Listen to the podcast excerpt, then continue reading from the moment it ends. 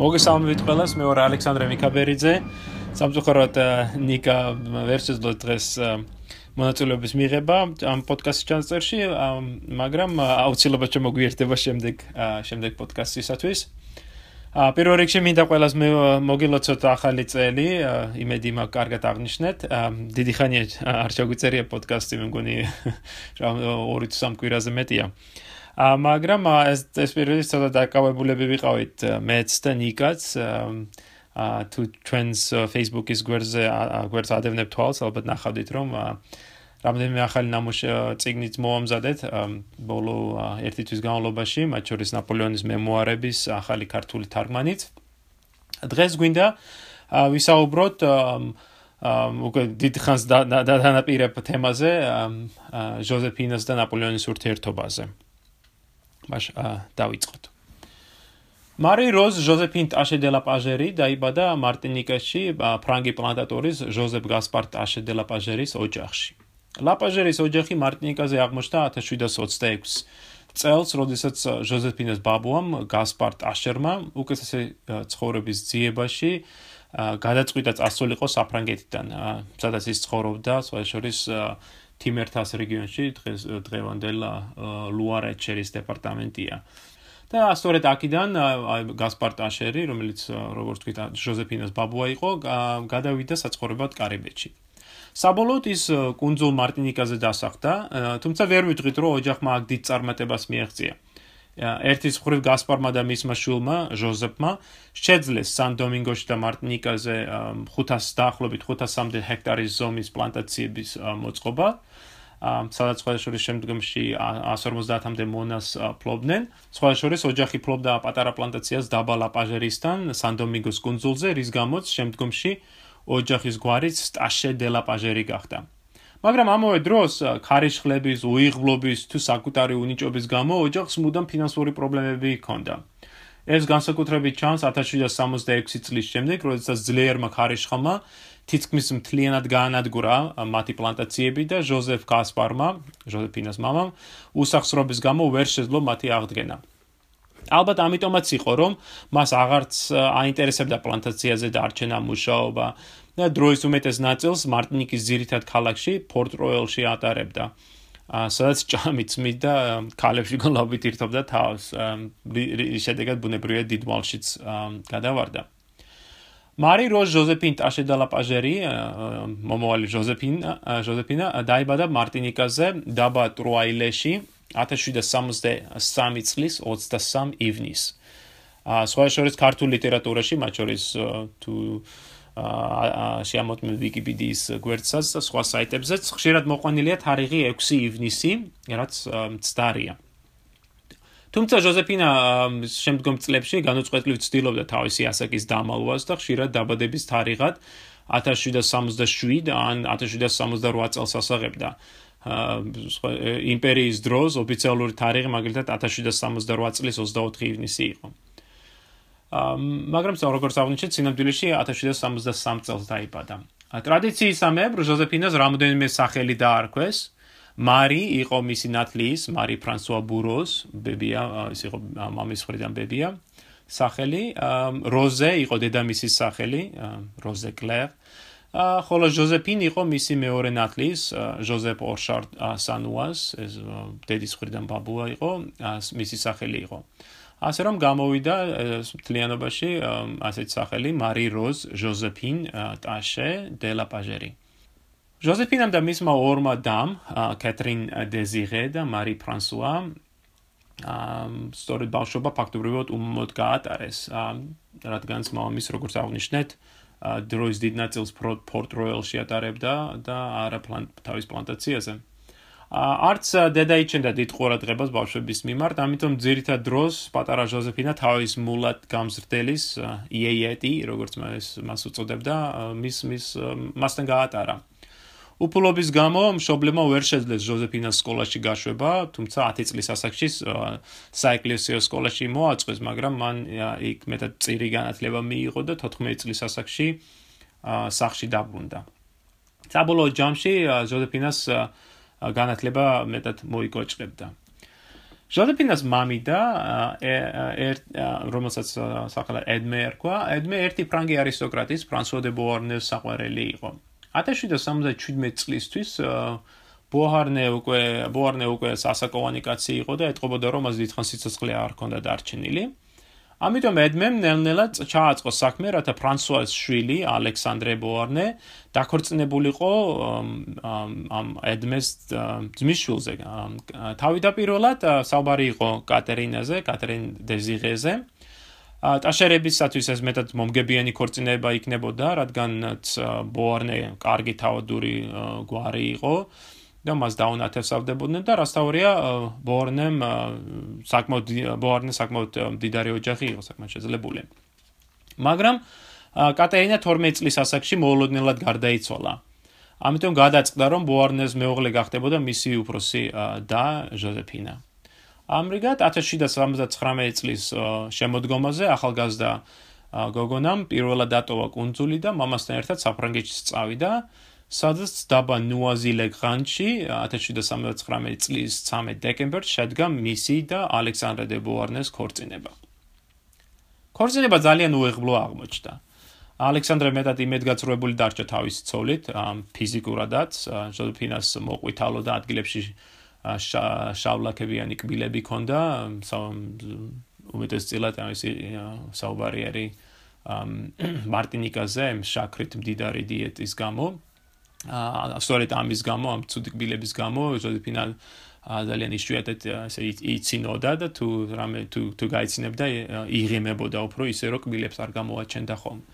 და არც ინტელექტუალურადაც გამოირჩეოდა ჟოზეფინა, მithumetes საფრანგეთის მაღალი საზოგადოების ქალების ფონზე.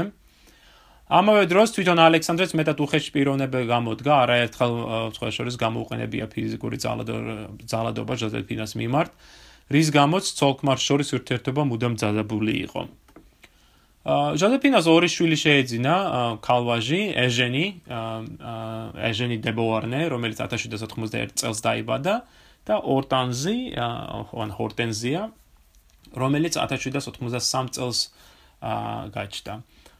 მაგრამ ბავშვები ჯერ კიდე პატარები იყვნენ, როდესაც 1795 წელს ცოლქმარ შორის დიდი განხეთქილება მოხდა და სასამართლოს მეშვეობით ჟოზეფინას ჟოზეფინამ შეძლო ქმრისგან განშორება. თუმცა ეს არ იყო ოფიციალური განქორწინება, რაც იმ დროს აკრძალული იყო. აა უბრალოდ ცოლკმარი დაშორდნენ და ჟოზეფინა და ბავშვები გადავიდნენ პენტემონის სააბატოში საცხოვრებლად, ხოლო ალექსანდრე ალიმენტებს უხდიდა მათ. 1788 წელს ფინანსური პრობლემების გამო ჟოზეფინა იზოლებული გახდა, დაბრუნებული იყო მარტინიკაში. სადაც მან ერთი წელი გაატარა დაახლოებით 99 წელს რა თქმა უნდა რევოლუციამ მისი ბედი შეცვალა არეულობამ ან პოლიტიკურმა აშლილობამ უწესრიგობამ მოიცვა დასავლეთ ინდოეთის შორეული კუნძულიც. და დიდებულთათვის იქ დარჩენა უსაფრთხო აღარ იყო და 1790 წელს ჟოზეფინა კლავ გაემგზავრა საფრანგეთში. ამ დროისათვის ალექსანდრე ბოარნე არჩეული იქნა უკვე საფრანგეთის გენერალური შტატების დეპუტატად. მიუხედავად თავისი არისტოკრატიული წარმოშობისა, ის ემხრობოდა საფრანგეთის მესამე წოდების დეპუტატების მოწოდებებს, საკმაოდ აქტიურად მონაწილეობდა რევოლუციურ მოვლენებში. მალე შევიდა კიდეც ეროვნული კრების შემადგენლობაში და დაიკავა ჯერ კრების მდივნის, შემდეგ კი თვით თავმჯდომარის თანამდებობაც. ყოფილი მეუღლის მაღალბა თანამდებობამ შესაძლებლობა მისცა ჟოზეფინას შესულიყო პარიზის მაღალ საზოგადოებაში, ხო, არაერთ სალონში იყო მოწეული და ალექსანდრეს ყოველშორის პოლიტიკურ პოლიტიკურ პოლიტიკურად ზომიერ შეხედულებებს იზიარებდა, იყო მომხრე მონარქიისა, მაგრამ ამავე დროს რეფორმებსაც უჭერდა მხარს. 1791 წელს, როდესაც საკანონმდებლო ეს ასამბლეა, ეს ეროვნული კრება დაიშალა, ალექსანდრე დაუბრუნდა სამხედრო სამსახურს და რაინის არმიაში დაიწყო მსახურობა. 1792 წელს, როგორც ჩვენ დავინახე წინა პოდკასტებში, ომი ომი დაიწყო საფრანგეთსა და თავდაპირველად ავსტრია-პრუსიას შორის. და ალექსანდრე მიიღო მონაწილეობა ავსტრიელი და პრუსიელების წინააღმდეგ ბრძოლებში. მალე დაწინაურდა კიდევაც მოიპოვა გენერალის წოდება და დაინიშნა ერთ-ერთი ყველაზე დიდი ციხესიმაგრეს ქალაქ მაინცის კომენდანტად. მის და სამწუხაროდ 93 წლის ივლისში 4 თვიანი ალყის შემდეგ მაინც იძულებული იყო ჩაბარებული იყო ავსტრია-პრუსიელებისათვის და პარიზში დაბრუნებული ბოარნე დაუყოვნებლივ დაადანაშაულეს დაადანაშაულეს მაინის მაინცის დაცვისათვის უმოქმედობაში ის დააპატიმრეს და რევოლუციურმა ტრიბუნალმა მას სიკვდილის დასჯა მიუსაჯა. დიდი საფრთხე დაემუქრა ბოარნეს მთელს ოჯახსაც 94 წლის აპრილში და 22 აპრილს ყველა შორის დააპატიმრეს ჟოზეფინაც და მას და მან მომდევნო სამი თვე გაატარა სენ ჟოზეფ დე კარმის ეკლესიის ქვეშ არსებულ საძვალეში, რომელიც რევოლუციონერმა ხელისუფლებამ საპყრობილედ გადააქცია. აა სხვა შორის ეკლესია დღეს მდებარეობს ღიუდე ვოჟირზე, ერთ პატარა მყუდრო ეზოში. თუ ვინმეს დაინტერესებს შაბათობით შუა დღეს შეუძლია მიაკითხოს. აა სხვა შეგვიძლია შიგნით შეხვიდეთ, მოინახულოთ და ერთ-ერთ საინტერესო რამ რაც შეგვიძლია შიგნით ნახოთ არის 92 წლის სექტემბერში რევოლუციური ბრბოს მიერ დახოცილი 115 ღვდლის ძვლები და თავის ქალები, რომელიც დღემდეა გამოფენილი ეკლესიაში აი საშინელი პერიოდის მოსაგონებლად. ა მოკლედ ჟოზეფინა სწორედ ამ ეკლესიის სენ ჟოზეფ დე კარმის ეკლესიის ქვეშ არსებულ საძვალეში ამ საფყრობილეში იჯდა. მასთან ერთად იყო ერთი ინგლისელი ქალიც, გრეის ელიოტი, რომელმაც შემდგომში მემუარები დაწერა და ამ ამ მემუარებში აღნიშნავს, რომ ციტატა საფყრობილეს კედლები და ხის სკამები ჯერ კიდე დასრული იყო დახოცილი მღვდლების სისხლით და ტვინის ნარჩენებითო. ჟოზეფინა მაგ გაატარა თითქმის 3 თვე. პირობები მართლაც რომ არა ადამიანური იყო. ჰაერი, რომელიც მიწის ქვეშ საფყრობილეში მხოლოდ 3 წვრილი მილით მიეწოდებოდა, მუდამ ძიმე ტენიანი რა გამორჩული სუნით იყო. საპირფარეშოები არ არსებობდა და მათ ნაცვლად მსჯავრდებულებს კაცებსა და ქალებსაც უბრალოდ კათხებს აძლევდნენ. ასევე დღეში ერთხელ ერგებოდა ჯარდებულებს ერთი ბოთლი წყალი, რომელიც ყველა მიზნებისთვის იყო განკუთვნილი, სახე პირის დაბანა იქნებოდა ეს თუ უბრალოდ წყურვილის დაკმაყოფილება. ემის გათვალისწინებით, რომ რევოლუციური მთავრობა გძალავდა ფეხბურთზე ქალების სიკვდილით დასჯას, არ არის გასაკვირი, რომ როგორც ამას არაერთი თუხოლელი აღწერს, რომ საპრობილის დერეფნებში და საკნებში ღამღამობით განოწყვეტლივი ისმოდა სექსი დაკავებული მსჯავრდებული ქალების და გუშაგების ხნევაშა ოხრა. ხომ? ამის შედეგად დაფეხმძიმებული ქალების ქალებს სიკვდილის დასჯა აღარ ემუქრებოდათ ყოველ შემთხვევაში ფეხმძიმების განმავლობაში. 1794 წლის 22 ივლისს ალექსანდრე ბოარნეს სიკვდილით დასაჯეს. ჟოზეფინა უნდა მომკვდარიყო იმ დღეს, მაგრამ საფყორბილეში გატარებულმა სამმა თვემ ისე შეარყია მისი ჯანმრთელობა, რომ ძიმეთ ავად გახდა, რის გამოც სიკვდილის დასჯა გადაიდო. მის და საბედნიეროდ 27 ივლისს იაკობინელთა ხელისუფლება დაემხო და ჟოზეფინას ნაცვლად რობესპიერი და მისი თანამოძრაეები ავიდნენ გილიოტინის ეშაპოძე. ბუნებრივია, ციხიდან გამოსულ ჟოზეფინას დიდი დრო დასჭირდა, რომ გონს მოსულიყო. ციხეში არსებული აუტანელი პირობები, სიბნელე, სიცივე, დამცირება, ყოველდღიური შიში, რომ რომ აი ეს ეს მას თავს მოაჭრიდნენ ყოველივე ამან დააღი დაასო ამ ქალს და რამოდენიმე თვის განმავლობაში ის ჯერ კიდევ აი რასაც დღეს უწოდებ პოსტტრაუმატულ სტრესის ქვეშ იყო. ამიტომ ალბათ მნიშვნელოვანია გავითვალისწინოთ რომ თუ შემოგვიანებით ის ადვილად შედიოდა ესე რომანტიულ თუ სქესობრივ ურთიერთობებში თუ მუდამ მიისწრაფოდა ფუფუნებისაკენ და არაერთხელ გაება საეჭო ბიზნეს გარიგებებში და საბოლოოდ დათანხმდა ცოლობაზე სტაბილურობის და ფინანსური უსაფრთხოების გამო. ალბათ ყოველივე ვიდრე ჰომსის სიყვარულით გაყოლოდა ნაპოლეონის ცოლად. ყოველივე ეს გასათვალისწინებელია იმ იმ კონტექსტში თუ რა გადაიტანა ამ ქალმა 94 წელს. ალბათ რთულია გაამტყუნო ის იმის გათვალისწინებით რომ ის სიკტილს ძლივს გადაურჩა 94 წლის ზაფხულში ამას უნდა აღნიშნოთ რომ მართალი ავიენები, მათ შორის ნაპოლეონის დედა და დებიც მას ნაპოლეონის ხშირად აღწერდნენ როგორც მაცდუნებელ ზედაპირულ ექსტრავაგანტულ კუჩის ქალს, რომელსაც რომელსაც მეტა კარგად იცოდა თუ რა უნდა ეკნა საწოლში. ნაპოლეონის შემდგომ შორის ახტაცებით საუბრობს კიდევაც ჟოზეფინას ერთ-ერთ მოძრაობაზე ის მას ზიგზაგს უწოდებს რომელიც ის თურმე ექსტაზამდე მიყავდა მაგრამ ბუნებრივია ეს მეტად ცალსახა და ტრაფარეტული პორტრეტია. კი, ჟოზეფინა ნამდვილად იყო გაწაფული სასიყვარულო ურთიერთობებში. ამაზე თითქმის ყველა ყველა თანამედროვე აღნიშნავს, მithumetes მისი ყოფილი საყვარლები. მაგრამ ამავე დროს ეს იყო გემოვნებიანი, მეტად ნიჭიერი ქალი, გამორჩეოდა თავისი გულუხობით, თუმცა როგორც წესი სხვის ფულს იყენებდა სამისად. აა გამოჩენილი დიპლომატის აა კლემენს ვონ მეტერნიკის სიტყვით ჟოზეფინა გამოერჩეოდა ეს ციტატა არის თავისი განსაკუთრებული ტაქტითა და თავდაჭერებულობით. მის ძლიერ მხარეს წარმოადგენდა ისიც რომ მან კარგად იცოდა თუ როგორ მიიღოს და გაამხიაროს საზოგადოება. ციხიდან გამოსული ეს მომხიბლავი femme fatale ხო როგორც ფრანგები უწოდებდნენ უკვე 32 წლის ხდებოდა ძნელი სათქმელია რა უფრო მეტად სურდა მაშინ მას ოჯახი და მოსიყვარული ქმარი თუ უბრალოდ მატერიალური კეთილდღეობა, ფინანსური დამოუკიდებლობა, სტაბილურობა. მომდენო 2 წლის განმავლობაში ჟოზეფინამ არაერთი სასიყვარულო რომანი გააბა ამ გაურკვეველ პირობებში, ხომ რევოლუცია ჯერ კიდევ ძვინვარებს, ჟოზეფინა მარტოხელა დედა ორი პატარა ბავშვი ყავს ახსოზრდელი და ფაქტურად არანაირი იმედი იმისა რომ მას რამე სტაბილური შემოსავალი ექნებოდა. თავდაპირველად მან გენერალ ლაზარ ხოშთან ქონდა მეტად ნერვიანი ურთიერთობა მაგრამ ჟოზეფინას დიდი თხოვნით დიდი მუდარის მიუხედავად გენერალმა ხოშმა უარი განაცხადა მიეტოვებინა თავისი ახალგაზრდა ცოლი აღსანიშნავია რომ ბონაპარტესთან ხორცინედის დღემდეც კი ჟოზეფინა იმედოვნებდა რომ ხოში შეიცვლიდა აზრს.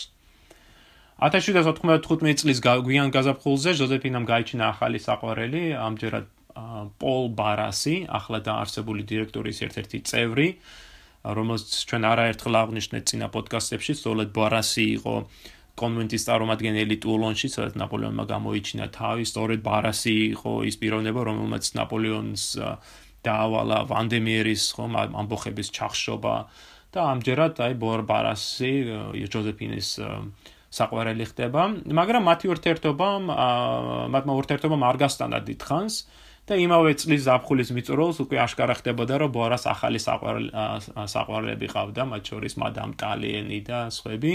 და სხვა ჟოზეფინა აღმოჩნდა ესეთ მენაჟ ატრუას პირობებში.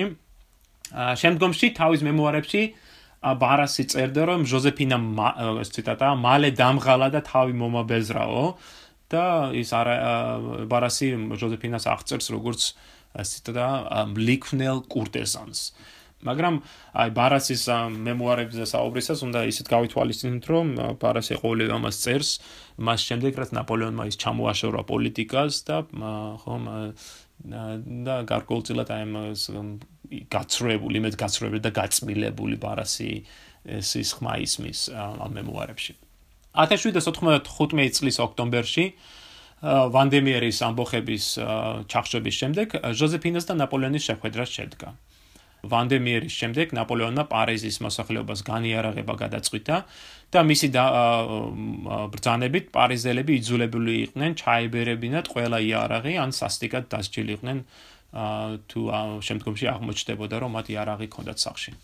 იარაღის კონფისკაცია რომ დაიწყო, ჟოზეფინამ გაგზავნა თავისი 14 წლის ვაჟი, ეჟენი, ნაპოლეონთან სათხოვნელად რომ ნება დაერთო მისთვის დაეტოვებინა მასი მამის, ხომ, ალექსანდრე ბოვარნეს პირადი იარაღი.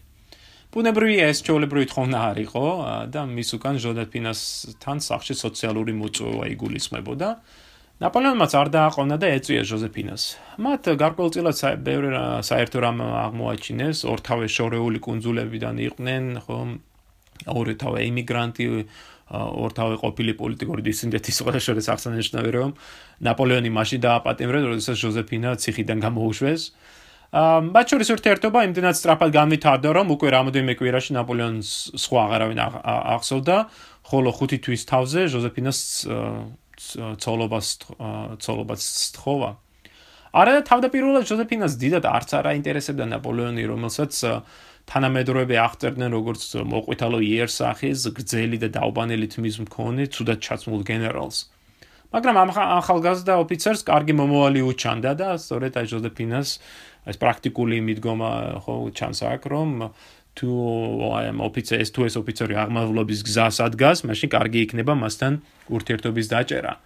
ამ მithumetes ხო ჯოზეფინა ისორეთ როგორც აღნიშნე ასაკში შედიოდა. მართალია ჯერ კიდევ 32 წლის იყო მაგრამ მე-19 საუკუნის მიწურულისათვის ეს უკვე დიდ ნაკლად მიიჩნეოდა. და რაც თავარია ჯოზეფინა დიდ ვალებში იყო გადავარდნილი რაც უნდა ვთქვათ მან მეტად გონივრულად არ გაუზიარა ნაპოლეონს სანამ ქორწინების კონტრაქტს არ მოაწერა ხელი. ამ გამოჩენილი ფრანგ დიპლომატს შალმორის ტალერანს ერთხელ კითხეს თუ რა იყო თუ თუ რა ჭკუის პატრონი იყო ჟოზეფინა. რადგანაც მან მეტად მოსწრებულად უპასუხა, ციტატა, არავის მოუხერხებია მის გარეშე ასე ბრწყინვალე ცხოვრებაო.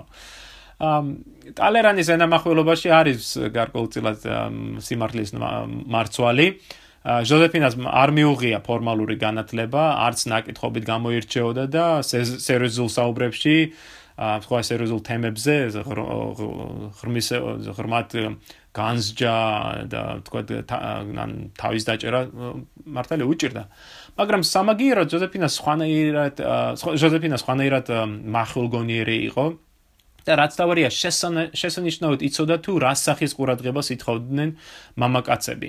აი სწორედ ამით შეძლო მან ნაპოლეონის ყურადღების მიქცევა. ამ როგორც აღნიშნა თავდაპირველად ჟოზეფინა მას რომანტიურად არც უყურებდა. ნაპოლეონის ჯარისკაცული მანერები თუ სიდაბლის გამო ჟოზეფინა მას საყვარელი ერთ-ერთი საყვარელი ზღაპრის პერსონაჟს კი შეადარა და ზურგს უკან ჩეკმებიან კატას უწოდებდა ნაპოლეონს. მაგრამ კალმა ჟოზეფინა მალევე მიხვდა თუ რამდენად სერიოზული იყო ნაპოლეონის გრძნობები მის მიმართ რაც მეტად გამორჩეული იყო თქვა სხვა მის ირგვლივ ყოფი სხვა მამაკაცებისგან თქო თუ ხოში თუ ბარასი თუ სხვა საყვარლები რომელიც ნაპოლეონ ჟოზეფინას გააშნა ასე სერიოზულად ნამდვილად ასე სერიოზულ გრძნობებს ნამდვილად არავლენდნენ და იმის გათვალისწინებით რომ ნაპოლეონს ხო ეს წინსვლა უჩანდა წინ ბუნებრივია მისი მასთან ახლო ურთიერთობას საშუალებას მისცემდა ჟოზეფინას გაემჯობესებინა მატერიული კეთილდღეობა. ეს კი მნიშვნელოვანი იყო ამ ქალისათვის იმის გათვალისწინებით რომ მას ორი პატარა ბავშვი ყავდა. თუ შევხედათ ნაპოლეონს უდაო არის რომ ნაპოლეონს უყვარდა ჟოზეფინა მაგრამ ისიც უნდა ვთქვათ, რომ ის აფასებდა ჟოზეფინას კავშირებსაც, მის სოციალურ მდგომარეობასაც, როგორც ყოფილ ვიკონტის ცოლს, ხო, ვიკონტეს, რომ ეს ეს წოდება ჟოზეფინამ ხო შეინარჩუნა თავის ქმრისგან. ამავე დროს ჟოზეფინა მართალია ხო ეს თავადაზნაურულ თავადაზნაურულ წარმომადგენელი კი იყო, მაგრამ ახლო ურთიერთობას ინარჩუნებდა რევოლუციურ ხელისუფლებასთან. ხო ბარასის საყვარლობა მაინც გულისხმობდა იმას, რომ მას მიესვლებოდა ხო დირექტორის ერთ-ერთ ყველაზე გავლენიან წევრთან. რაც თავარია ჟოზეფინა აფსებდა ნაპოლეონის ნაკლებს.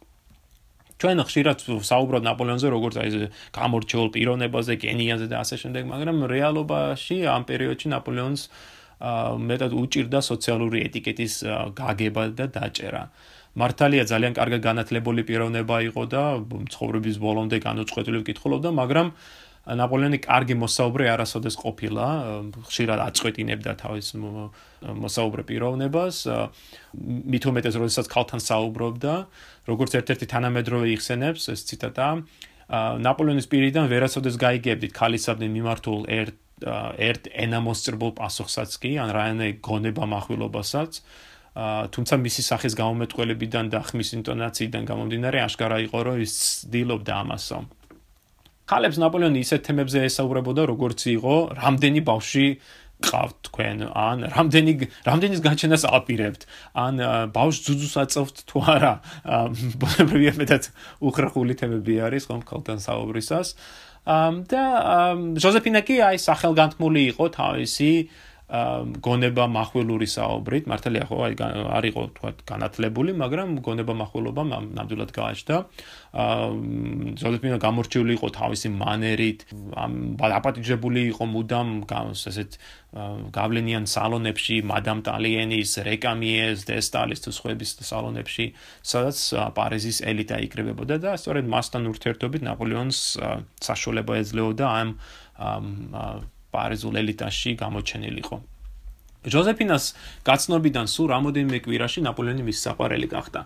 რამაც კიდევ უფრო გაამძაფრა მისი გრძნობები. ამ ჯოზეფინა ამ დროისათვის უკვე მეტად გაწაფული იყო სასიყვარულო საქმეებში. ამ ნაპოლეონი კი ფაქტობრივად ვაჟიშვილი იყო. მის დღიურიდან მის დღიური თუ იმსჯელებთ ასაკისათვის მას მხოლოდ 1-2 სექსუალური გამოცდილება თუ ეკნებოდა ისიც ქუჩის ქალებთან. სწორედ ამიტომ მასზე უფრო შეშხიან და გამოცდილ ჟოზეფინასთან რომანი მისთვის დამათრობელი გამოდგა. ეს აშკარა ჩანს ნაპოლეონის წერილებიდან. თუ გადახედავთ მას აშკარა თუ რაოდენ ახტაცებული იყო ის ჟოზეფინას შეეულით. ის არაერთხელ აღწერს მისი შეეულის ნაწილებს თან ისეთი ინტიმური სიტყვებით, რომელთა გამეორებას აქ მე ნამდვილად ვერ შევძლებ. 1700 96 წლის 9 მარტს, 4 შაბათ დღეს, საღამოს 10 საათზე ნაპოლეონი და ჟოზეფინა დაქორწინდნენ. ამ ქალაქ პარიზში, მეორე არონდიზმონში, რიუ ანტინზე, ეს დღეს ბანკის შენობა იმ იმ დროს 96 წელს აქ იყო მეორე არონდიზმონის ადგილობრივი მერიის პატარა ოფისი. პატარძალს ეცვა თეთრი კაბა და წელზე ერთყვა ესეთი განიერი რევოლუციური სამფეროვანი სარტყელი. მოწმეებად ედგნენ პოლ ბარასი შეიძლება ყოფილი საყვარელი ნაპოლეონის ადიუტანტი ჟან ლემაღუა ცოლკმარი ტალიენი ჟოზეფინას შვილები ეჟენი და ორტანზი ასაკობრივი განსხვავების შემცირების მიზნით ნაპოლეონმა საქორწინო საბუთში დაბოტების წლად ჩაწერა 1768 წელი, ანუ 1 წელი დაიკლო, ხოლო ჟოზეფინამ 4 წლით გაიახალგზავა თავი და ასევე 1768 წელი ჩაწერა და ისე გამოვიდა რომ ორივე ცოლკმარი თანატოლები 28 წლის გამოვიდნენ. ა საქორწინო საჩუქრად ნაპოლეონმა ცოლს მიართვა პატარა ოქროს მედალიონი, რომელსაც ეც პატარა წარწერა ჰქონდა ბედის წერისკენო. ახლა დაქორწინებულების თაფლობის თვე მხოლოდ 2 დღე გასტანა. 11 მარტს ნაპოლეონი უკვე იტალიის არმიისკენ გაემგზავრა. მომდენო რამდენიმე თვის ხო თითქმის ერთი წლის განმავლობაში ის ავსტრიელებს ებრძოდა და ცოლისგან მოწყვეტილი იყო უმეტესწილად. თუმცა თუ მისი წერილებით მიმსჯელებთ, მუდამ ცოლზე ფიქში ატარებდა დროს. სიყვარული სწავდა მის გულს, ნებებს ძლივს იკავებდა, დღეში რამდენიმე წერილსაც კი უგზავნიდა თავის სათფროს და უკიდეგონა სიყვარულს ეფიცებოდა. ალბათ საკარგი იქნება თუ ახლა შემოგთავაზებთ ერთ-ერთი წერილის თქვა ციტატას, ფრაგმენტს. ეს წერილი დაწერილი არის 96 წლის 3 აპრილს, ანუ გამგზავრებიდან სულ რამდენიმე სამკვირა ნახევარში. ჩემო ერთადერთო ჟოზეფინა შენგან მოშორებულს თელი სამყარო უდაბნოდ მეჩვენება, რომელშიც მე მარტო ვარ. შენ ჩემი სული დაიფყარი და უფრო მეტიც, შენ ჩემი ერთადერთი ფიქრი ხარ. როდესაც მომბეზრდებიან მოსაწყენი არსებები, ადამიანები რო ვქიათ, როცა მზად ვარ სიცოცხლე დავწყევლო, ხელზე გულს დავიდებ და იქ შენი პატარა ხატება მაქვს, უყურებ მას. სიყვარული ჩემთვის აბსოლუტური ბედნიერებაა. რა ჯადოთი შეძელი დაგემორჩილებინა მთელი ჩემი უნარი, მთელი ჩემი სულიერი ცხოვრება მხოლოდ შენზე შეგეჩერებინა. სიცოცხლე ჟოზეფინასთვის. აი მთელი ჩემი სიცოცხლის არსი. ჩემო ერთადერთო მეგობარო, ბედისგან რჩეულო, რათან ერთად გავიაროთ ცხოვრების ძნელი გზა. თუ დადგა დღე, როდესაც ჩემი აღარ იქნები, სამყარო ჩემთვის თელ თავის ჩვენიერებას დაკარგავსა. პარიში მყოფი ჟოზეფინა კი არ იზიარებდა მქრის ასე გზნებარებას. ის კლავს არონურ ცხოვრებას ეწეობდა, ესწრებოდა ბანკეტებს, მეჯლისებს თუცა და სასიყვარულო რომანებსაც კი აბავდა. ნაპოლეონის მიერ იტალიაში მოპოვებული გამარჯვებების შედეგად ჟოზეფინა ხომ მოულოდნელად ყველასათვის სასურველი სტუმარი გახდა. მისი სახლი მუდამ სტუმრებით იყო სავსე და პოროტეენები მათ შორის საეჭვოდ ხშირ სტუმარ მამაკაცებსაც ასახელებდნენ. პარიზიდან გამგზავრებიდან რამდენიმე კვირაში ნაპოლეონი უკვე ემუდარებოდა მეუღლეს, ჩამოსულიყო მასთან. არწმუნებდა, რომ კარგად დააბინავებდა, რომ საბრძოლო მოქმედებების მიუხედავად მას არავითარ საფრთხეს არ გააკარებდა. ჟოზეფინა ქრის წერილებს ან საერთოდ არ პასუხობდა, ან მოკლე წერილებით იშორებდა თავიდან. ამით გაწმილებულმა ნაპოლეონმა აპრილის ბოლოს აცნობა ჟოზეფინას, რომ თავის ახლო მეგობარს მიურატს აგზავნიდა პარიზში ოფიციალურ საქმეზე და სთხოვდა გამოჰყოლოდა მას. გემუდარები გამოყევი მიურატს წერს ნაპოლეონი ერთ-ერთ წერილში და უხსნის მეუღლეს, რომ თუ ტურინით იმგზავრებს 15 დღით დაიმოკლებს ზავრობას. ჩემი ბედნიერებაა გნახო შენ ბედნიერი. ჩემი სიხარულია გნახო შენ გახარებული. ჩემი უდიდესი სიამოვნებაა გნახო შენ ნასიამოვნები. ამ ქვეყნა ჯერ არ ყოფილა ხალი, რომელიც ისე გულმოდგინეთ, ისე ვნებით, ისე სათუთად უყვარდა, ეს როგორც მე მიყვარხარ შენო. შედაფინას არანაირი სურვილი არ ჰქონდა მიეტოვებინა პარიზის მაღალი საზოგადოება და ჩრდილო იტალიაში საფრონტო ხაზზე გამგზავრებულიყო. პარიზში დასარჩენად პატარ-პატარა მიზეზები რომ გამოელია, ჟოზეფინამ ფეხძიმება მოიმეზიზა. რის გაგონებაზე ნაპოლეონი აღტაცებული დარჩა.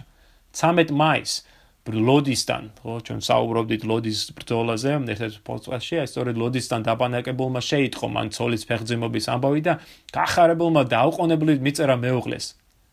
ნეტავ მქონდეს იმ უზომო სიხარულის განცდა, რაც შენს პატარა მუცელზე კოცნას წარმოადგენსო. შენ მალე სიცოცხლეს აჩუქებ იმ პატარა არსებას, რომელსაც ისევე ეყარები, როგორც მე მიყვარხარ შენ. შენი შვილები და მე მუდამ ვიქნებით შენს გვერდით, რათა ჩვენი სიყვარული და ზრუნვა არ მოგაკლოთო. მაგრამ ფეხზემობა არ შედგა. უпростоრედ არც არასოდეს ყოფილა და ჟოზესპინამ ამ მიზეზებით რამდენიმე კვირით პარიზში დარჩენა შეძლო. ფეხზემობა კი არა, ახალ სასიყვარულო რომანში იყო გახვეული. მოჟოზესპინა ამჯერად ახალგაზრდა ჰუსართან, ლეიტენანტ იპოლიტ შარლთან. რომელიც ყოველი მხრივ ნაპოლეონის კონტრასტი იყო. მაღალი, შვერიერი შვენიერი გარეგნობის, კარგი მსმელი და მჭამელი, გოდება მახვილი პიროვნება, რომელსაც თანამედროვეები გართობის უშ დაუშვეთელ წყაროთ აღწერდნენ. ანუ იპოლი ჩარლი გარკვეულწილად იყო ელეფერი ის იყო, რაც ნაპოლეონი არა. ჯოლეფინას წერილები ცხადყობენ თუ რაოდენ გატაცებული იყო ის ამ ახალგაზრდა ოფიცრით, რომელიც მასზე 9 წლით უმცროსი იყო. შარლი დაკავებული ჟოზეფინას აღარც ახსოვდა მეუღლე, წერილებსაც კი აღარ წერდა. ნაპოლეონი კი პირიქით განუწყვეტლივ ცდილობდა გაეგო ცოლის მდგომარეობა. როგორ ხარ, ჩემო საყვარელო, როგორ მიდის ფეხძიმობა, წერს ის ერთ-ერთ წერილში მაისში. მეორეში, საკმაოდ მოკლე წერილში ნაპოლეონი და ჟოზეფინას ხუთჯერ იხსენიებს როგორც ჩემო უტკბილესო სიყვარულო და კვლავ ცდილობს გაარკვიოს როდის შეძლებს მის მონახულებას. შენი ჩამოსვლა ისე გამახარებს, რომ შეიძლება ჭკუიდან შევიშალო. ჩემო სიყვარულო, მალე ჩამოდი და აქ მოგივლი და ცივნიასაც არ გაგაკარებო. ბავშვს მალე გააჩენ, ბავშვს რომელიც ისეთი ველამაზი იქნება როგორც დედამისი და რომელსაც ისევე ეყვარები როგორც მამამისი უყარხარ. ასე რომ ჩამოდი მაგ, ჩამოდი მალე აქ არაფერი გვაკლია გარდა შენისაო. მაგრამ ჟოზეფინან კიდე ორი კვირა ორი კვირის განმავლობაში იმიზედა ფეხზომობისათვის მგზავრობის საშიშროებას, რათა დარჩენილიყო პარიში და იპოლი ჩარტთან აა გაეტარებინა დრო. მე მეუღლეს აცნობა რომ სამწუხაროდ მოუცელი მოეშალა. და ამით დასუსტებულს არ ძალულს დამგზავრობდა. ამ ცნობამ გააოცა ნაპოლეონი. ამდენი კვირის მოვლოდინის შემდეგ გახარებული რომ მეუღლე ფეხძიმე იყო და ბავშვსელო და ნაპოლეონსაც ეს მეტად დიდი დარტყმა იყო. ეკი არა ეჭიც კი დაებადა რამე რამე ხო არ ხდებოდა პარიზში. ლაზარ კარნოსთან მიწერილ წერილში ივნისში ის წუწუნებს რომ ციტატა ეს მე სასოწარკვეთილებაში ვარ. ჩემი ცოლი ჩემთან არ ჩამოდის. ეთყობა მან ვიღაცა გაიჩინა და ის აჩერეს პარიზშიო. ეშმაკს წაუღია ყველა ქალის თავი. თავის ადიუტანტთან მარმონთან საუბარშიც ნაპოლეონი აღნიშნავდა ამ დროს. ჩემი ცოლი ან მართლავად არის ან მღალატობსო. მაგრამ საინტერესო ისაა რომ აი ნაპოლეონი ესეთი გამჭრიახე ხო ნიჭიერი პიროვნება. მან საბოლოოდ ვერ დაუშვა იმის შესაძლებლობა რომ ცოლი ღალატობდა მას და მისი ჩამოსვლილობა იმით გაამართლა რომ მართლაც შეუძლოთ იყო ქალი 1796 წლის 26 ივნის ჟოზეფინამ როგორც იქნა დატოვა პარიზი. ბუნებრივია ეს არ იყო მისი არჩევანი. ხელისუფლების წევრებმა აიძულეს ის წასულიყო იტალიაში თავის ქმართან იმის იმის გამო რომ აი ნაპოლეონი წერდა ესეთ სასოწარკვეთილ წერილებს. და თვითონაც ხდებოდა რომ ნაპოლეონი მალე დაეჭდებოდა მისი საქციელით და რომ იქ დადგებოდა მომენტი როდესაც პარიზში მოიარული ხმები მიწდებოდა ნაპოლეონამდე. ასე რომ ის იძულებული იყო წასულიყო მილანში ქმრის ანახავად ჟონეზენ ბინა მიმღარა იმგზავრა სამხედრო ესკორტით, მაგრამ მასთან ერთად ასე იყვნენ ნაპოლეონის ძმა ჟოზეფი, სხვა შორის მას იმედი ჰქონდა რომ იტალია შეძლებდა ვენერიული დაავადების შემსუბუქებას, რომელიც მას ტანჯავდა. ასევე ჟოზეფინასთან იყო ლუიზა კომპუა, ჟოზეფინას ფრეილინა, მასთან ახდა ახალგაზრდა ანდო ჟუნო, რომელიც როგორც წინა პოდკასტებში ნახეთ ნაპოლეონის ადიუტანტი იყო. და რამოდენიმე მსახური. რაც მთავარია, საინტერესოა, ჟოზეფინას გვერდით იჯდა მისი საყვარელი იპოლიტ შარლი, რაც მეტად გაბედული გადაწყვეტილება იყო, ხო? ქმართან მიმოვალმა ცოლმა თან საყვარელიც გაიყოლია. ჟოზეფინა მილანში ჩავიდა 10 ივლისს და დასახლდა სერბელონის დიდებულ სასახლეში, სადაც ის შეხვდა ნაპოლეონს ორ დღის შემდეგ. ცოლ-ქმარს შორის მეტად გზნებარე შეხვედრა შედგა. და ნაპოლეონის ნაპოლეონი თავის ნებებსაც ვერ აკავებდა, როგორც ერთ-ერთი მთულხერველი. ანტუან ჰამელანი საუბრო აღწერს ციტატა დრო და დრო ნაპოლეონი ტოვებდა თავის კაბინეტს რათა ჟოზეფინა მოენახულებინა და მასთან ეთამაშა თვითონ ის პატარა ბავშვი იყო. ზოგჯერ ისე აჯავრებდა რომ ჟოზეფინას ატირებდა კიდეც. ზოგჯერ კი საჯეროდ ისეთი ტლანკი ალერსით ეფერებოდა მას რომ მე იძულებული ვიყავი ხოლმე ავდგარიყავი სკამიდან და მისულიყავი ფანჯარასთანო.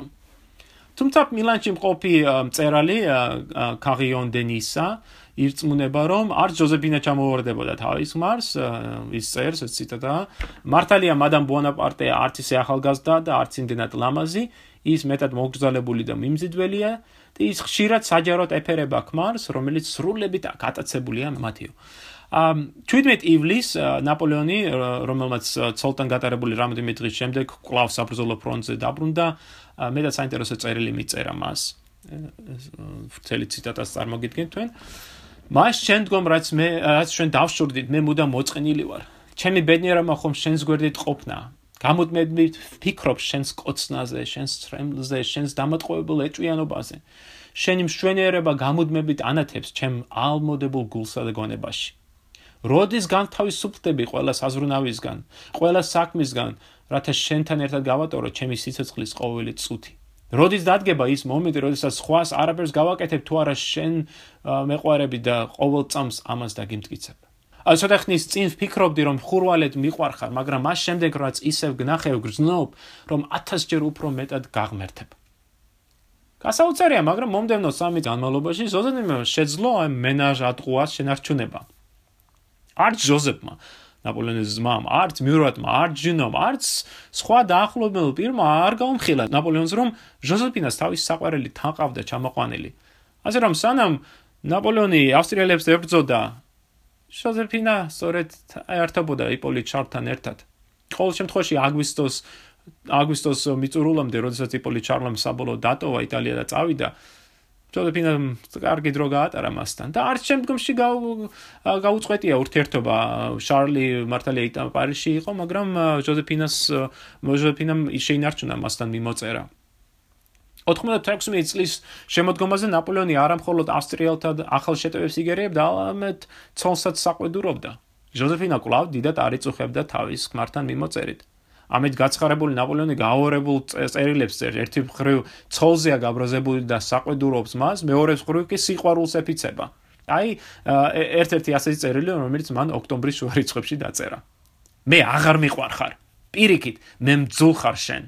შენ ხარ ყველაზე საშინელი სულელი გულუბრუ გულუბრყვილო ხალი ვისაც კი ვიცნობ. შენ მე საერთოდ არ მწერ. შენ არ გიყვარს საკუთარი მეუღლე შენ შენევრად იცი რა არის აბედნიერებენ შენი მოწერილი ყოველი სიტყვა მას და შენ თავს იმითაც არიწუხებ რომ რამოდენიმე ასო დაჯღაბნო ფურცლებზე მისთვის. და საინტერესოა რითი ხარ დაკავებული ქალბატონო? რამ გათანგა თქვენი ნაზი ხელები ისე რომ მათ მელნის დახუნებულ ქაღალზე გავლებაც კი არ შეუძლიათ ნუ თუ ეს ვინმე ახალი თაყვანის ცემელია, იწვით გადამეღობა გზაზე და არ გაძლევს საშუალებას შეასრულოთ ღვთის წინაშე დადებული ფიცი გიყვარდეთ სამარადისოდ. მე და მხოლოდ მე.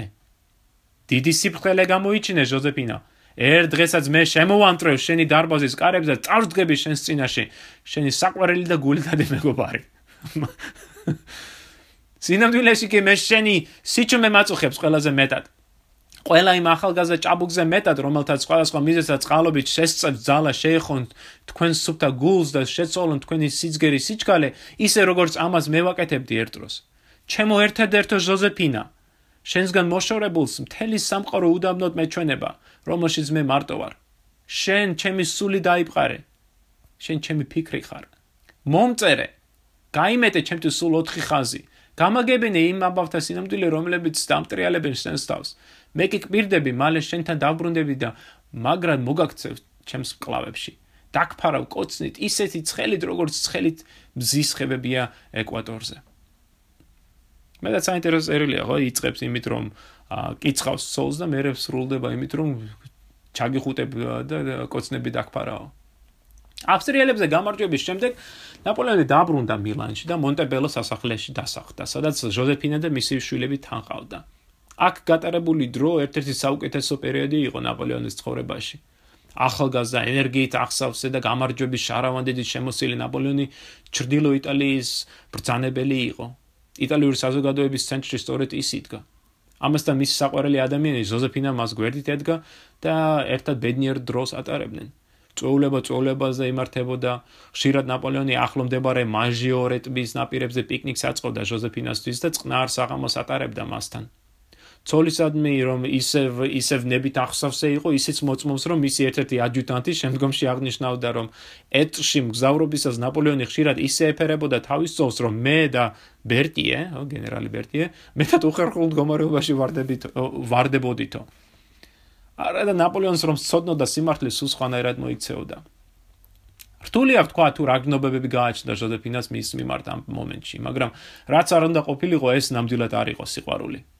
ამის ნათელი მაგალითი 1797 წლის გაზაფხულზე მომხდარი ერთი საინტერესო შემთხვევა.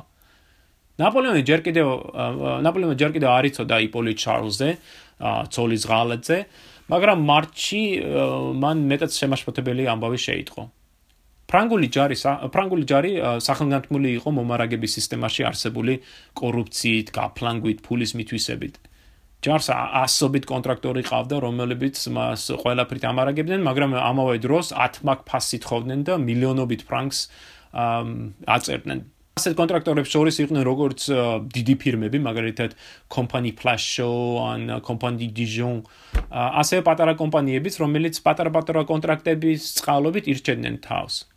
საყოველთაოდ ცნობილი იყო, რომ აი ეს პატარა ფირმები ხშირად აყალბებდნენ საბუთებს, ჯარს აწვდნენ ვადაგასულ ან გაფუჭებულ საქონელს, რომ არაფერი ვთქვათ უფრო სერიოზულ დარღვევებზე. ასეთ ფირმებს შორის იყო ესეთი ფირმა, როგორც სახელად კომპანი ბოდინ, რომელსაც სათემეში ედგა ცნობილი სპეკულანტი ლუი ბოდინი. 1797 წლის გაზაფხულზე ნაპოლეონმა შეიტყო, რომ ბოდინის ფირმის ფირმის ინვესტორებს შორის იყვნენ პოლ ბარასი, ანუ დირექტორიის ერთ-ერთი ყველაზე გავლენიანი წევრი, იპოლი ჩარლი, ნაპოლეონი მას იცნობდა იტალიაში მგზავრობ რო იყო ჩამოსული იქიდან, მაგრამ მან ჯერ კიდე არ იცოდა რომ ის ჟოზეფინა საყვარელი იყო და რაც თავარია ამ ინვესტორებს შორის თვით ჟოზეფინაც ყოფილა. ნაპოლეონი განრისხებული იყო ამით. ის ხომ ყველა ღონეს ხმარობდა რათა შეექმნა ეს პატიოსანი ჯარზე მზრუნვალი მზრუნვალი ალალი გენერალის რეპუტაცია. და ამის შემდეგ საზოგადოებას რო გაიგო რომ მისი ცოლი თორმე ბოდინის ფირმის საშუალებით ფულს აკეთებდა ჯარის მომარაგებაზე ამ სპეკულაციაზე და ასე შემდეგ ნაპოლეონის სახელი მეტად შელახული იქნებოდა მოკლედ 17 მარტს 17 მარტს ნაპოლეონი შეხვდა ცოლს და აი სწორედ ისეთი მკაცრი დაკითხვა მოუწყო ამ ბოდინის ფირმასთან დაკავშირებით რომ ჟოზეფინა ატირებული დატოვა. ნაპოლეონს აინტერესებდა სიმართლე იყო ეს თუ არა მონაწილეობას ღებულობდა თუ არა ჟოზეფინა ამ ბოდინის ფირმის საქმიანობაში. საერთოდ იცნობდა თუ არა ლუი ბოდენს აღმოუჩენია თუ არა ჟოზეფინას რაიმე დახმარება ბოდინესთვის სამხედრო კონტრაქტების მოპოვებაში და რა ურთიერთობა აკავშირებდა ჟოზეფინას იპოლი ჩარლთან, რომლის სახში ნაპოლეონის ხელთ არსებული ახალი ინფორმაციით, ჟოზეფინა თურმე ხშირი სტუმარი ყოფილა. ჟოზეფინამ ჯერ თავდაპირველად ყველა ყველაფერი უარყო, თქვა რომ მას არანაირი კავშირი არ ჰქონდა ბოდენთან, ეს რომ ეს ყოველი უბრალოდ ჭორები იყო, რომ შართან მას უბრალოდ საქმიანი ურთიერთობა აკავშირებდა და ნაპოლეონმა დაიჯერა ეს ყოველივე. საინტერესო რა იმ შეხვედრის შემდეგ ხომ როცა ნაპოლეონი წავიდა ჟოზეფინამ დაუყოვნებლივ მიწერა საიდუმლო წერილი თავის საყვარელს რომელშიც აცნობებდა ყველაფერს ეფიცებოდა სიყვარულს და ბონაპარტეებისადმი სიძულზე საუბრობდა იმასაც აღნიშნავს რომ ბოდინთან საქმის დაჭერა იმიტომ უნდა რომ ფინანსური კეთილდღეობა მოეპოვებინა და ნაპოლეონთან ქორწინებიდან დაეღწია თავი წერილში ჟოზეფინა აღნიშნავს, რომ ნაპოლეონის კითხვების საპასუხოდ, ეს ციტატა, მე ყველაფერი უარყავი და უპასუხე რომ უპასუხე მას რომ არ ვიცოდი თუ საერთოდ რაზე იყო საუბარი. მე ვუთხარი მას რომ თუ განქორწინება სურდა, შეიძლება პირდაპირ ეთქვა ჩემთვის. მაგრამ საუბედუროდ მან არ მიმართა ამ საშუალებას და მე კვლავ ყველაზე უიღბლო და უბედური ქალი ვარ. დიახ, ჩემო ძვირფასო იპოლიტ, ბონაპარტების მიმართ მე მხოლოდ სიძულვილი მაქვს. ჩემი სიყვარული და სინაზე მხოლოდ შენთვისაა. იპოლიტ, მე თავს მოვიკლავ. დიახ, სურს დავასრულო ეს ცხოვრება ვინაიდან ისიქცევა ტანჯად თუ მე არ ვიქენი შენიო. წერილის ბოლოს კი ჟოზეფინა ამატებს. შენ, მხოლოდ შენ, იპოლიტ, შეგიძლია გამხადო ბედნიერი. მითხარი რომ გიყვარვარ, რომ მხოლოდ მე გინდი ვარ. ამით მე უბედნიერეს ქალად მაქცევ. და ხელსაწერს მუდამ შენი ჟოზეფინა. ეს ერთ-ერთი წერილი არის, რომელიც ჟოზეფინა მიწერა იპოლიტ ჩარლს და ამ წერილიდან აშკარა არის, რომ ჟოზეფინასთვის ნაპოლეონზე დაქორწინება მე და პრაგმატული გადაწყვეტილება იყო. აი იყო თავისი საზოგადოებაში მდგომარეობის გაუმჯობესების, ფინანსური სტაბილურობის, ბავშვებისათვის, ხო, ეჟენი და ორტანზის მომავლის უზრუნველყოფის საშუალება. ნაპოლეონი იმედგაცრუებული იყო, რა თქმა უნდა, ბოდენის ამბებით, მაგრამ მან არიწოდა თუ რამდენად ჩაფლული იყო ამ ბოდინის სკანდალში მისი მეუღლე.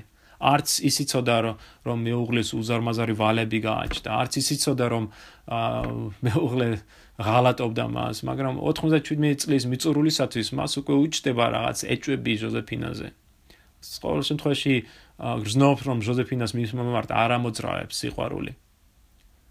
აბით ეგვიპტეში წასულაზე საუბრისას, რაც ჩვენ შემდეგ პოდკასტზე განვიხილავთ, უნდა გავითვალისწინოთ, რომ აი ნაპოლეონის გარკვეულწილად იმედგაცრუებული არის პირად ცხოვრებაში. გსნობს, რომ აი ეს მისი ვნება, ეს დიდი სიყვარული, რომელიც მას გააჩნია ჟოზეფინას მიმართ, არ არის მას არ ხვდება ხომ აი საპასუხო გზნობები ჟოზეფინასგან. მას რაღაც ახალი ძიების სურვილი ამოძრავებს. და სწორედ ამ ახალი ძიებაში ის ეგვიპტესკენ გაიხედება.